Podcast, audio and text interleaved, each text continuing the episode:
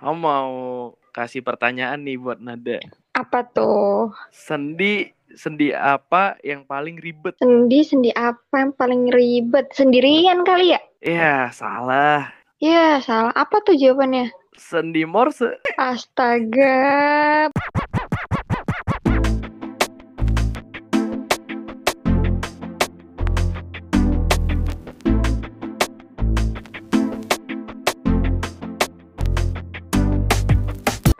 Semua cek.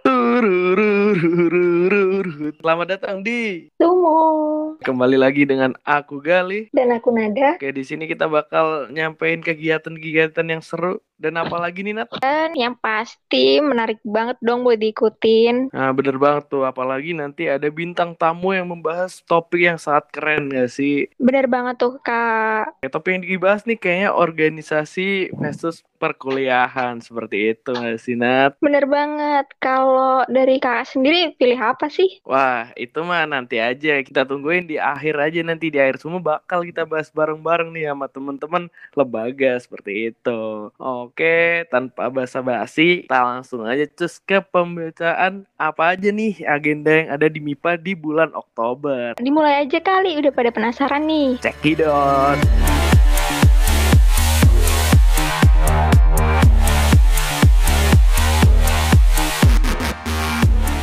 Nat, Hmm? ya Nada kan dari biologi ya. Iya nih kak. Pasti udah tahu kan sendi-sendi. Kan pelajaran biologi banget nih. Kenapa tuh emang kalau sendi-sendi? Nah, kamu mau kasih pertanyaan nih buat Nada. Apa tuh? Sendi sendi apa yang paling ribet? Sendi, sendi apa yang paling ribet? Sendirian kali ya? Ya, salah. Ya, salah. Apa tuh jawabannya? Sendi Morse. Astaga, berat, berat, berat, berat. Coba lagi aja ya, Kak. Oke, kayak tebak-tebakannya udah habis nih. Langsung aja ya kita bacain agenda apa aja nih yang ada di MIPA bulan Oktober. Dari Studio Statistika dengan webinar kewirausahaan yang namanya nih National Youth Entrepreneur Webinar dengan tema Generation Passion to Brighten Up Your Career Path with Innovative Business for the Future. Nah, ini acara kali ini benar-benar bermanfaat karena kita bakal bahas tentang bagaimana sih menumbuhkan jiwa kewirausahaan untuk mahasiswa. Sama ini kita bisa memulai usaha, masih banyak lagi yang tentunya akan bermanfaat banget nih di webinar ini. Biasanya mahasiswa nih pengen usaha sendiri gitu kan. Terus webinar ini bakal dilaksanain 30 Oktober. Yang pastinya untuk pematerinya udah kece abis lah. Yang pasti ada Kakei Salovita selaku founder Skinsena dan HP.id. Jangan lupa ya daftar. Nih batas terakhir kalinya daftar 26 Oktober. Wah, keren banget tuh, Kak. Nah, dari lembaga sebelah juga ada nih dari lembaga Ritma Riset. Nah, di Ritma ini ada Design Thinking Workshop with Expert pada tanggal 16 Oktober. Cocok banget nih buat kalian yang lagi belajar desain ataupun kalian yang udah berpengalaman di bidang ini, bisa banget nih nambah wawasan baru lewat seminar tentang describing all about design dari layout sampai pemilihan konten. Nah, terus sesi kedua nih bakal ada workshop desain poster pakai aplikasi Corel. Nah, buat yang belum bisa, bisa belajar nih di sini. Kedua sesi itu sama pemateri yang sama juga loh, yaitu Mas Lutfi sebagai pemateri yang pernah mendapatkan Gold Medal dan Special Award IICYMS di Malaysia 2021 dan Gold Medal WICE Malaysia. Nah, bener banget tuh. Tadi udah keren-keren. Ritma juga ada webinar PKM Dikti dan kepenulisan. Dan untuk webinar ini, itu program kerja Krisis Center PKM Dikti. Jadi buat persiapan untuk PKM Dikti 2022. Kayak semacam pengenalan baik itu kepada maba maupun warga MIPA mengenai PKM Dikti. Seperti itu ya teman-teman. Jadi sasarannya spesifikasinya lebih ke warga MIPA yang mau join PKM. Tanggal 23 Oktober. Jangan lupa ya. Kita lanjut ke acara selanjutnya nih. Ada dari Himatika yaitu SOP pada tanggal 17 Oktober. Nih SOP bukan yang peraturan gitu ya. Jadi SOP ini so School of Programming. Itu semacam pelatihan programming gitu seperti LaTeX, Python dan lain-lainnya. Pokoknya program gitulah ya. Jadi biasanya nanti kayak webinar gitu. Nanti kita bakal di sana diajarin seperti itu. Wah, keren banget tuh buat nambah soft skill kita. Nah, Selanjutnya dari lembaga BEM nih Kak, bakal ada agenda LKMMTM. Jadi yang kemarin udah ikutan LKMMTD, sekarang ikutan dong LKMMTM. Buat yang udah ikut di LKMTD waktu itu, lanjut dong berprogres tentang keorganisasian. Langsung aja daftar di IG-nya LKMMF MIPA UB dengan maksimal pendaftaran tanggal 7 Oktober. Oke nih ada lagi nih acara dari BEM yaitu seminar kewirausahaan yang diadain oleh Ekraf nih. Nih udah mulai open registrasi nih sampai tanggal 20 Oktober buat teman-teman langsung aja ya daftar eh, pasti banyak nih benefitnya. Kemudian acara seminar kewirausahaan sendiri ini diadain tanggal 23 Oktober. Nah, dari BEM ini masih ada agenda lagi loh Kak. Emang BEM ini banyak banget agendanya. Jadi untuk proker prora ya Pekan Budaya itu adalah event talkshow tentang pelestarian budaya di era pandemi. Untuk pre-eventnya ini bakal ada pemeran virtual satu minggu di web seperti itu ya teman-teman. Dan juga bakal ada trivia berhadiah nih lewat IG BEM dan bakal ada talkshow bareng pemateri yang keren banget. Dan pastinya ada kuisnya nih buat teman-teman langsung aja di cus daftar dan TEDx in MIPA tanggal 30 dan 31 Oktober. Agendanya bakal ngapain sih? Ditunggu aja ya ntar info lanjutnya. Nah, bener banget tuh. Nih, buat teman-teman udah banyak nih agenda yang bisa diikutin di MIPA. Buat teman-teman jangan lupa daftar ya. Jangan jadi mahasiswa kupu-kupu nih, apalagi online biar benefitnya nambah, progresnya tetap nambah. Seperti itu nggak sih, Nat? Bener banget tuh. Masa mau jadi mahasiswa yang ngegabut, nggak jelas gitu. Mending kita ngasah soft skill dan hard skill kita. Nah, pas banget nih pembahasan kali ini bakal kita bahas tentang keraguan teman-teman buat ikut organisasi. Jadi tetap tungguin kita untuk pembicaraan habis ini ya. Jadi kita bakal obrolin lagi nih, apa sih organisasi itu? Penting gak sih organisasi itu? Nah, kalau daripada penasaran, lanjut aja nih dengerin sampai selesai, bener nggak? Benar, jadi kita langsung aja nih panggilin teman-teman dari lembaga Please welcome DPM dan Himabio.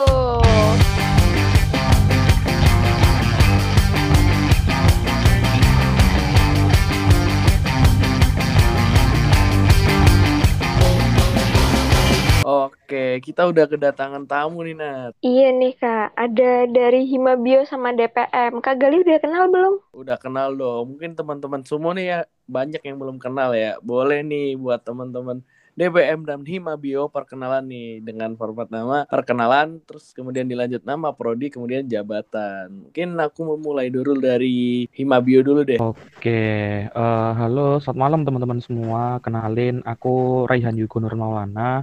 Bisa dipanggil Raihan. Uh, aku dari prodi biologi angkatan 2020. Nah, uh, di Himabio sendiri uh, aku selaku staff dari divisi 3 atau divisi humas. Oke, salam kenal Rehan. Salam kenal semua.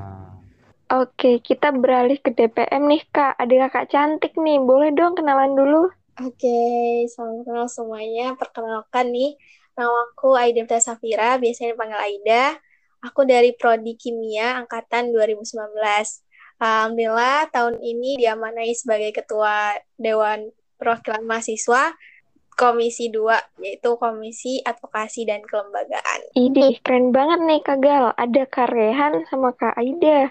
Eh, tapi Kak Galih tahu nggak sih dari lembaga dua ini tuh bergerak di bidang apa? Bergerak di bidang apa tuh, Nat? Aku juga nggak tahu nih. Gimana kalau tanya orangnya langsung aja? Boleh. Dari DPM dulu kali ya gantian. Mungkin dari Kak Aida bisa kasih tahu kita nih DPM tuh bergerak di bidang apa sih?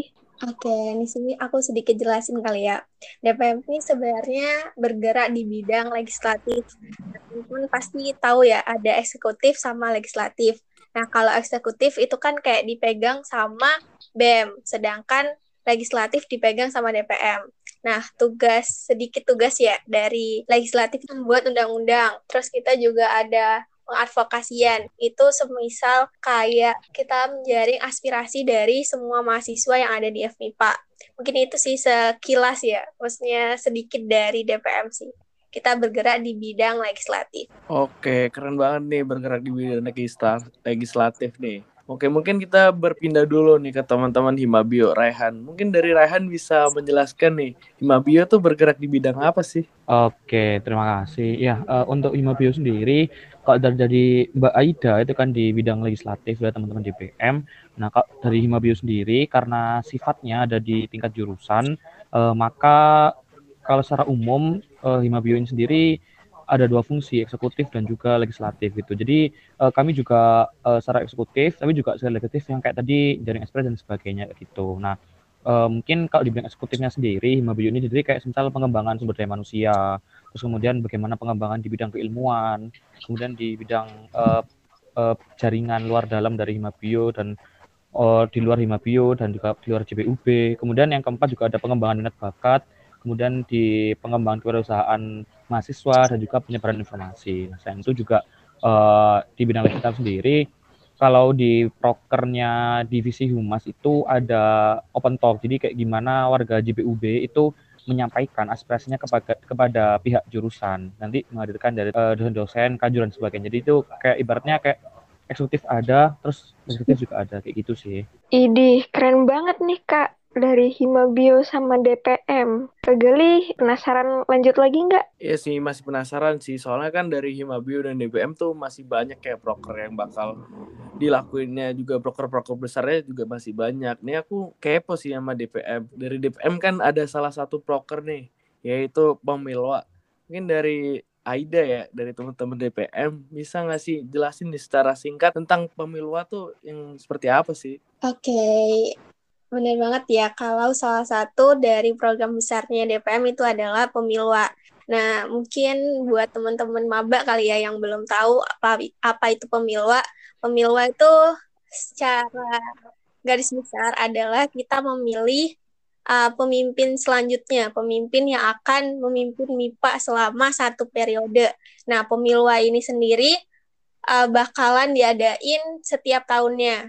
Nah, itu kita akan memilih salah satu ah enggak kita memilih uh, ketua ketua dan wakil ketua dari BEM dan juga para perwakilan mahasiswa yang nantinya akan menduduki jabatan dari DPM itu sendiri. Kan setiap orang pasti akan berganti ya, kan pemimpinan akan berakhir gitu. Nah, satu yang akan menggantikannya itu adalah pas waktu pemilu. Mungkin ini sedikit cerita kali ya uh, kan aku juga dulu pernah jadi salah satu calon gitu ya di pemiluannya itu sendiri. Nah, itu, nah itu uh, bakalan seru banget sih buat teman-teman yang uh, kepingin tahu gimana cara pemilihan pas pemilihan kepemimpinan yang ada di MIPA. Nah, salah satunya di pemilwa itu sendiri gitu sih. Eh keren banget gitu ya kita milih-milih gitu kayak di pemerintahan gitu keren banget sih. Iya Mungkin kita iya jadi jadi penasaran nih pengen ikut pemilwa lagi pengen pilih-pilih siapa sih yang bakal jadi mimpin MIPA yang akan datang nih. Kita kepoin lembaga sebelah nih kak ke lembaga Himabio. Nah kemarin tuh lagi ada agenda biotik nih yang keren banget, rame buat maba. Tapi aku juga lupa nih rangkaian acaranya tuh apa, biotik tuh kayak gimana tuh aku lupa. Jadi aku pengen tanya lagi nih Kerehan, apa sih biotik itu? Oke, ya uh, terima kasih. Uh, sebelumnya untuk terkait biotik sendiri, untuk rangkaian agendanya sendiri, itu kalau kegiatan offline itu dimulai dari uh, welcoming party. Jadi gimana, gimana keluarga besar JBUB itu menyambut teman-teman mahasiswa baru. Nah, selanjutnya akan ada uh, first gathering di mana kayak pasti kan dari itu kan pasti ada kayak masing-masing kelompok dibagikan kayak dibagi kelompok dan sebagainya gitu. Nanti terus lanjutin sama agenda biotik uh, ada biotik satu dua tiga kemudian bakalan ada agenda pengukuhan di belakang itu kalau offline. Nah, tapi kalau untuk online sendiri, nah kemarin itu rangkaiannya yang pertama ada welcoming party, kemudian juga ada uh, maaf maksudnya welcoming party digabung dengan first gathering, kemudian ada biotik satu, biotik dua, dan seperti itu. Nah, untuk apa sih biotik itu sendiri? Biotik itu adalah ini ibaratnya PK2J atau pengenalan kehidupan kampus di tingkat jurusan. Jadi itu merupakan program dari divisi 1, divisi PSDM, di mana kegiatannya adalah untuk kaderisasi teman-teman mahasiswa baru dan mengenal bagaimana sih uh, kehidupan di jurusan biologi lintas belajar ini sendiri. Kayak gitu sih. Oke, makasih Kak Rehan atas jawabannya. Waduh, sayang banget nih. Jadi kita agendanya harus online ya. Padahal kalau kita offline ada party-party gitu. Keren banget nih pasti. Nah, iya nih. Nah, dari teman-teman DPM dan Hima Bio, dari Rehan dan Aida nih ini kan udah ngikutin organisasi ya udah tau lah organisasi tuh kayak gimana untuk kuliahnya. Nah, menurut kakak-kakak nih organisasi itu penting gak sih? Dari Aida deh, Aida dulu. Oke, menarik sih uh, pertanyaannya. Organisasi itu penting gak sih? Itu kayaknya udah pernah dijawab sama sama semua orang ya pas waktu pengenalan maba biasanya. Uh, kalau dari aku sendiri, organisasi itu penting ya, karena aku termasuk salah satu organisasi ya. Nah, uh, mungkin kenapa penting? Karena di organisasi itu kita banyak belajar banyak hal. Misal uh, kita diajarin terkait kepemimpinan, kita diajarin cara buat uh, kenal banyak orang, cara komunikasinya itu gimana. Kan setiap orang itu berbeda-beda ya. Nah, itu kita diajarin di situ. Meskipun nanti kalau kita join organisasi, organisasinya itu nggak bergerak, kita tuh punya seperti insting gitu loh untuk uh, gimana ya caranya untuk kita memajukan organisasi itu walaupun uh, apa ya value yang diberikan organisasi itu kadang nggak sesuai sama yang kita mau pas awal-awal ya. Nah, uh, mungkin ini sedikit pengalaman sih. Aku dulu tuh or orang yang nggak nggak apa ya nggak organisasi sih. Aku tuh diem banget dulu tuh. Terus akhirnya pas kuliah memutuskan untuk gimana caranya aku tuh bisa kenal sama banyak orang, bisa kayak uh, lebih lebih terbuka lah istilahnya gitu sih. Akhirnya di kuliah aku memutuskan untuk uh, sedikit join organisasi. Nah itu di situ akhirnya aku uh, menemukan diriku yang berbeda sih pas join organisasi itu sih. Jadi buat teman-teman nih yang belum join organisasi, coba deh coba dulu aja join salah satu organisasi. Nah bakal, nah nanti di sana kalian bakalan uh, mendapatkan banyak hal gitu. Oke, bener banget nih kata Aida tadi ya. Kata Aida tadi kalau bisa aku rangkum tuh bisa peka terhadap lingkungan dan menambah satu manfaat dari organisasi. Bener gitu gak sih Nat? Bener banget tuh Kak. Emang penting banget sih kita buat join di organisasi. Masa mau jadi anak gabut? Gak banget dong. Iya, apalagi anak kupu-kupu gitu kan. Iya, kita kan harus jadi kura-kura nih kayak Kak Aida sama Kak Rehan. Mungkin sekarang kita tanya ke Kak Rehan dulu nih Kak Gal. Boleh, boleh. Kalau menurut Karehan sendiri, organisasi itu penting gak sih? Soalnya aku denger-dengar Karehan nih ikut banyak organisasi juga loh. Oke, waduh, jangan di dulu dong, Kak Nat. Oke, iya. Jadi ini sih kalau menurut aku terkait uh, mungkin ini pertanyaan yang kayak udah umum sih. Jadi kan Mbak Ida udah sempat udah sempat nyampein juga kalau ini tuh banyak sering banget ditanyain. Penting gak sih organisasi itu? Oke, kalau aku sendiri uh, mengibaratkan uh, kuliah atau ilmu uh, akademik itu adalah makanan makanan ya makan lah kemudian organisasi atau non akademik itu diberikan sebuah uh, minuman jadi ibaratnya kayak nggak lengkap kalau cuma makanan doang. Ibaratnya kayak kita makan doang tapi nggak minum kan jadinya kayak uh, apa ya kalau orang Jawa itu seret-seret dulu di, di leher gitu. Nah terus juga aku juga mengibaratkan juga uh, apa sih pentingnya organisasi bagi uh, pihak luar tuh kayak gini contohnya. Uh, mungkin aku ya aku sebagai mahasiswa biologi kayak gini contohnya. Uh, aku dengan ilmu biologi aku tidak semua orang itu belajar biologi secara mendalam kayak aku sebagai mahasiswa biologi gitu kan.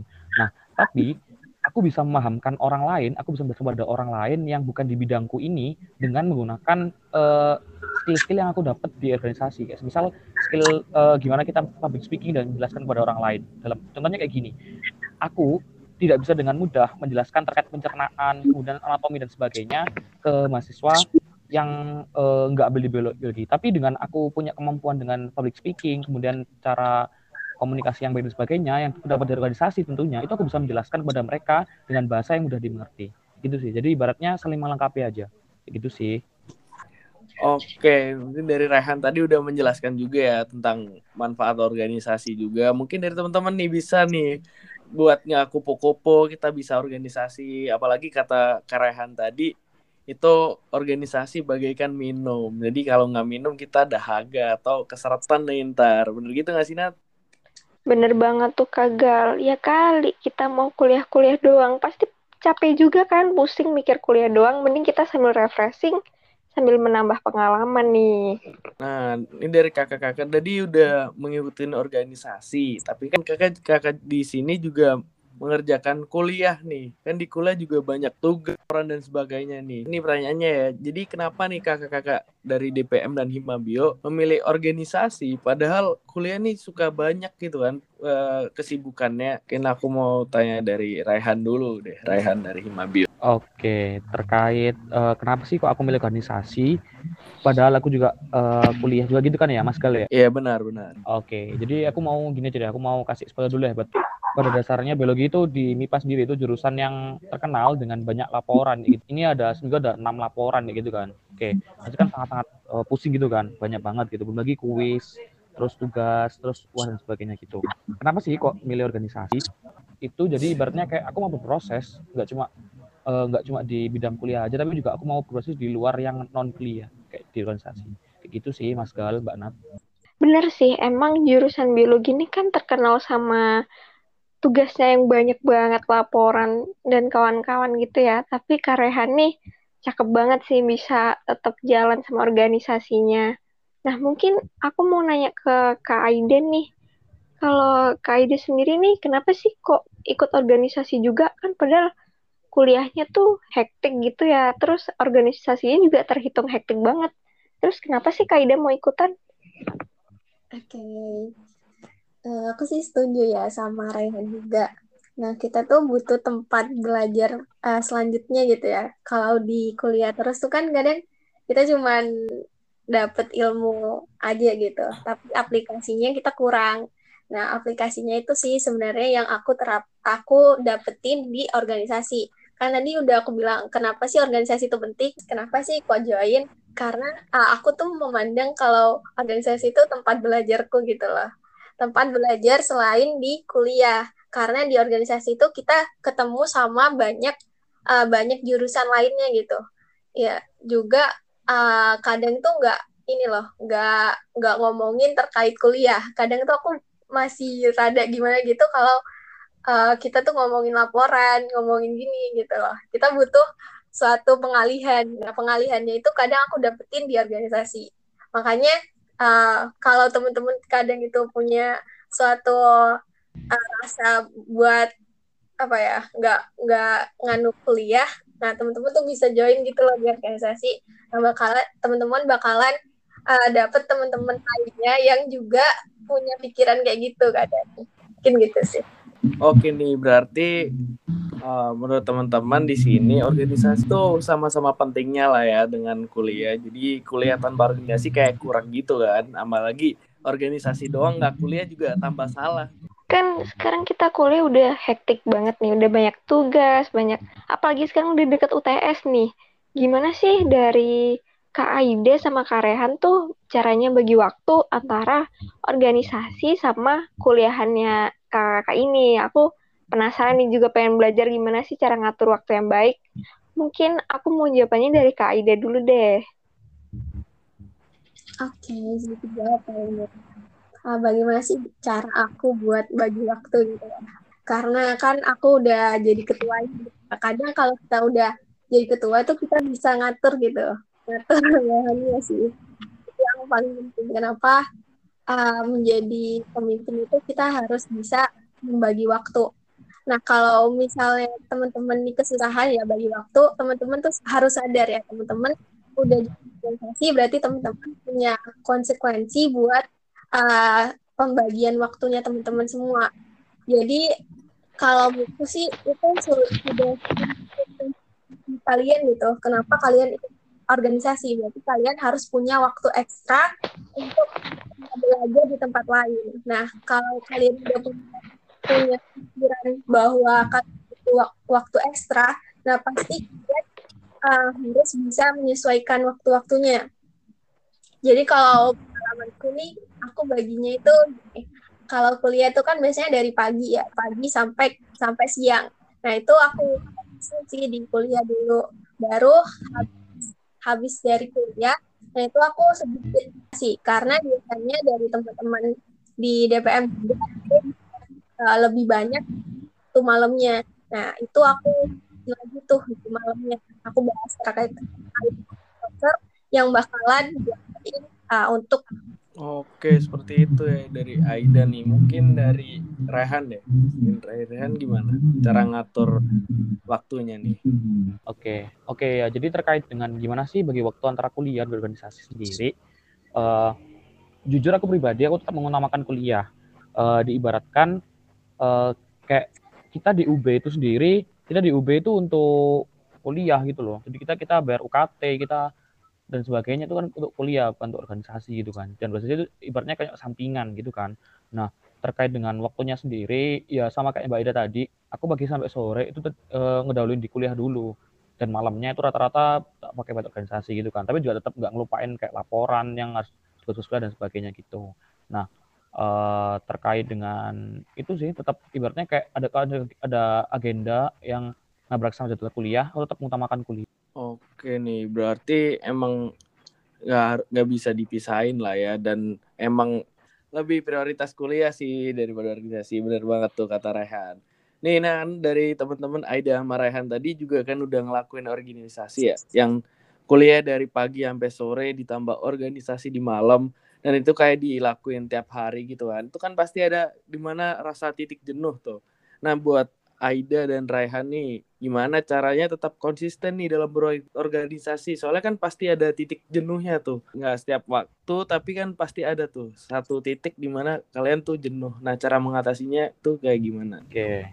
uh, eh, bener sih aku setuju sama Mas Gali tadi kalau di setiap di setiap tempat lah nggak cuma di organisasi doang kita bakal merasa jenuh atau bosan gitu kan nah uh, gimana sih cara biar uh, konsisten dalam kondisi uh, jenuh kayak gini, ibaratnya kayak gini sih. Uh, kita mau nggak mau pasti jenuh gitu kan. Nah, cara lebih konsisten kita tuh ambil break dalam artian kita ambil istirahat gitu. Nah, seperti yang sering disampaikan oleh orang banyak bahwa kalau capek itu istirahat bukan ngilang kayak gitu kan. Jadi teman-teman semua harus tetap nyempetin waktu buat sekedar me time, kemudian liburan, kemudian kayak uh, ya refreshing lah jatuhnya. Jadi biar teman-teman semua nggak jenuh. Dan pada dasarnya jenuh itu tidak bisa kita tolak kayak gitu kan. Dan solusinya adalah kita refreshing dan uh, buat ngilangin jenuh tadi. Oke okay, bener banget nih kata Karehan jenuh tuh manusiawi banget. Kalau misalnya capek tuh bilang terus istirahat. Nah mungkin kita tanya ke kakak cantik kita nih. Siapa tahu jawabannya beda kan kalau dari Kaida sendiri tuh gimana sih cara ngilangin jenuhnya gitu Oke, okay, kalau ngilangin jenuh sih aku Uh, kadang sama sih sama Rehan gitu ya. Kita istirahat dulu. Kita bilang ke kakak, kak ya ketuanya, kak aku kayaknya lagi jenuh nih kak gitu.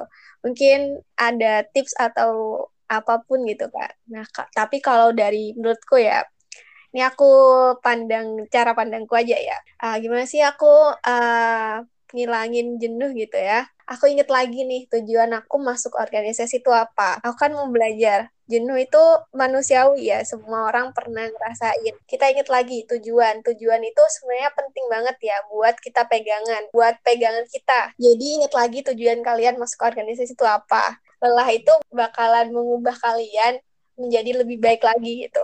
Kita lelah sekarang nggak apa-apa tapi hasilnya untuk masa depan bakalan bermanfaat buat kalian di masa depan walaupun dari sekarang kalian masih ngerasa ini kayaknya nggak guna banget sih aku ikut organisasi gitu. Kayaknya nggak ada manfaatnya gitu. Jangan jangan pernah berpikir kayak gitu. Kalian berpikir untuk masa depan gitu. Jadi apa pun kejenuhan kalian apa pun kekhawatiran kalian saat ini itu bakalan dijawab buat masa depan kalian gitu. Jadi jangan pernah sih kayak gitu Oke, bener banget nih tips-tips yang sangat menarik nih dari teman-teman dari Mabio dan DPM. Mungkin bisa dibilang kalau emang udah jenuh ya dikomunikasiin gitu kan. Dan kalau udah jenuh bisa tahu tujuannya seperti itu. Nah, kan bener nih kayak kata kakaknya tadi. Mending tuh capeknya capek berprogres dan ada hasilnya. Daripada kita capek ngegabut dan gak dapet apa-apa kan. Iya, bener banget. Nah, ngomongin hasil dan manfaat nih. Aku pengen tahu dari Karehan sama Kak Aida. Apa sih insight yang dapat dari Kak Aida sama Karehan dari organisasi yang kakak-kakak ini udah ikutin? Mungkin dari Karehan dulu deh.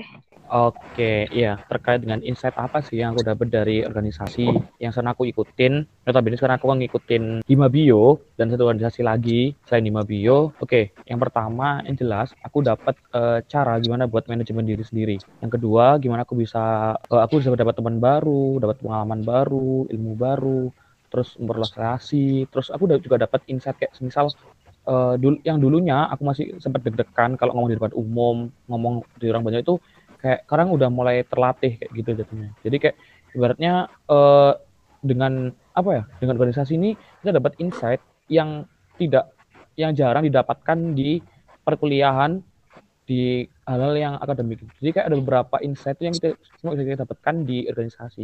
Kayak gitu sih. Oke, itu dari Karehan ya. Mungkin aku pin jawaban dari Kak Aida juga nih buat Kak Aida. Dipersilahkan nih menyampaikan pendapatnya. Oke, kalau dari aku sih sama ya. Kita insight-nya itu kita dapat gimana cara memimpin, memimpin orang. Karena aku kan uh, di DPM sebagai ketuanya ya, ketua di Komisi 2. Nah, itu aku diajarin buat uh, manajemen semua staffku itu gimana gitu. Kan staff itu beda-beda ya, ada kadang hilang-hilangan, ada yang uh, dia uh, beneran aktif tapi perlu wadah lagi gitu. Nah, itu aku diajarin buat bagaimana cara aku uh, tahu semua sifat-sifat ataupun bagaimana cara melakukan uh, staff-staffku dengan baik gitu. Karena kalau kita sebagai kalau aku de, uh, sebagai pemimpin kan aku harus gimana caranya dia join di organisasiku dan dia berkembang gitu kan. Itu sih yang tugas yang paling berat sih kalau menurutku. Tapi dari situ aku belajar.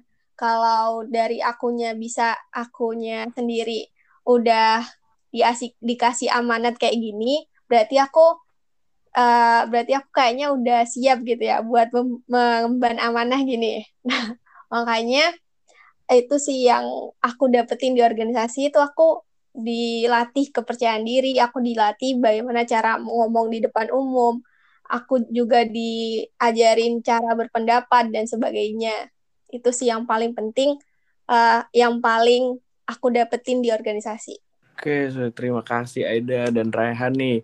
Nah, ini buat teman-teman banyak banget nih manfaat yang didapat dari organisasi. Kalau banyak gitu kan, agenda nih yang ke depannya bakal diadain sama DPM dan Himabio. Tahu boleh tanya nih, buat proker ke depannya Himabio dan DPM nih ada apa aja kan? Biar sekalian kita promosiin gitu ke teman-teman semua, biar teman-teman semua pada tahu. Mungkin dari Kak Aida dulu deh dari DPM. Agenda ke depannya dari DPM ada apa aja? Oke, okay, dari DPM itu yang terdekat itu sih terkait tadi ya, terkait pemilu. Nah itu bakalan uh, diadain di akhir di akhir tahun ini kayaknya. Jadi teman-teman buat yang penasaran sama pemilu sama keseruan pemilu, teman-teman bisa langsung uh, cek-cek IG-nya DPM Nah, di situ bakalan kita informasikan lebih lanjut uh, gimana gimana gimananya terkait pemilwa dan juga kita bakalan ada kelas lagi ya kelas legislatif buat teman-teman maba dan juga teman-teman yang mau belajar uh, terkait legislatif itu seperti apa di kampus. Nah, itu bakalan diadain juga. Oke, mungkin bisa disampaikan nih Instagram DPM tuh apa sih? Oke. Instagram DPM jadi teman-teman langsung uh, cari aja di Instagram DPM FMIPA UB. Nah, di situ bakalan keluar tuh uh, ada logonya DPM yaitu kayak burung, burung warna biru. Nah, itu langsung teman-teman pencet, jangan lupa di-follow juga. Nah, bener banget tuh. Apalagi pemilu itu kan salah satu calon-calon pemimpin yang bakal memimpin MIPA kan ada di situ semua. Nah, betul. Oke, Kak Gal, kita tanyain ke Karyan juga dong. Dari Himabio bakal ada agenda apa sih yang bisa kita ikutin? Oke, ya terkait dengan program dari Himabio atau program dari Himabio ke depannya, yang paling dekat tuh ini bakalan ada namanya BE. Nah, BE ini adalah biologi biologis event atau uh, event olahraga yang diselenggarakan oleh Divisi 4 atau Divisi Minat Bakat dari Himabio yang fungsinya untuk mengembangkan dan memadai minat bakat dari warga JBUB sendiri. Nah, tapi sayangnya nih teman-teman semua, uh, ini sendiri terbuka hanya untuk uh, mahasiswa JBUB. Nah, nanti ini kegiatannya bakalan uh, apa ya? Kegiatannya bakalan tanding setiap angkatan kayak gitu. Nah, selanjutnya juga ada kegiatan namanya itu uh, biomas. Jadi kayak uh, kegiatan itu uh, ini proker dari divisi 5 atau proker dari divisi KWU kewirausahaan di mana ini kan ada, ada dua yaitu dari webinar tentang kewirausahaan dan juga ada lomba terkait dengan BMC atau bisnis model kanvas. Nah, untuk BMC sendiri ini ini terbuka untuk uh, masyarakat umum. Jadi teman-teman semua yang sekiranya uh, punya pandangan depan terkait dengan BMC sendiri bisa banget nih buat ngikutin event uh, biomas ini sendiri. Nah, untuk informasi terkait dengan biomas ini sendiri ada di IG-nya yaitu yaitu biomas 2021. Nah, selanjutnya yang ketiga yang balik itu ada uh, open talk yaitu proker dari divisi 3, divisi aku, divisi Humas Hima Bio yaitu di mana agenda ini adalah menjaring aspirasi dari warga JBUB dari setiap angkatan yang akan disampaikan kepada pihak jurusan, spesiali kepada Kajur, sekjur dan juga uh, perangkat jurusan lain lainnya. Nah, ini sendiri nanti teman-teman bakal dipoles, uh, bakal diproses ada di IG-nya Himabio sendiri. Nah, untuk IG Himabio sendiri, dan aku nggak nggak mau kalah dong dari promosinya teman-teman di PM, ya nggak sih, Mbak Aida? Oke, okay. nah untuk IG-nya Himabio sendiri, teman bisa cek di Himabio underscore UB. Nah, itu bakal banyak informasi uh, yang penting terkait dengan uh, kemasukan di biologi sendiri. Itu sih, Mas Gal, Mbak Nat. Oke, keren banget tuh Kagal. Nah, buat teman-teman khususnya dari jurusan biologi nih, yang mau mengasah skill ol olahraga, bisa ikut biologis event. Nah, buat teman-teman yang lain, dari teman-teman MIPA, bisa nih ikutan webinar KWU-nya. Nanti kalau misalnya ada info lebih lanjut pasti udah ada di Himabio nih. Jadi stay tune terus ya. Nah, bener Nat. Nah, ini udah gak kerasa sih udah di penghujung acara semua nih. Sedih banget sih Nat. Sedih banget sih. Padahal masih mau ngobrol-ngobrol lagi kan. Masih banyak yang bisa dikepoin. Ya, tapi tenang aja nih. Kita kasih kesempatan nih buat teman-teman Himabio dan DPM buat nih kata-kata buat pendengar sumo nih bisa mengucapkan semangat atau seperti apa nih buat kata-kata untuk pendengar sumo dari Aida dulu deh. Oke, sedikit kata-kata sih buat teman-teman pendengar sumo ya. Uh, jangan per nih buat teman-teman jangan pernah uh, merasa kalau organisasi uh, join organisasi itu teman-teman nggak dapet apa pun. Kalian coba deh uh, join salah satu organisasi. Nah, pasti kalian akan dapetin hal yang nggak kalian dapetin di kuliah. Nah, itu sih. Terus juga jangan pernah merasa kalian itu sendirian gitu di dunia ini.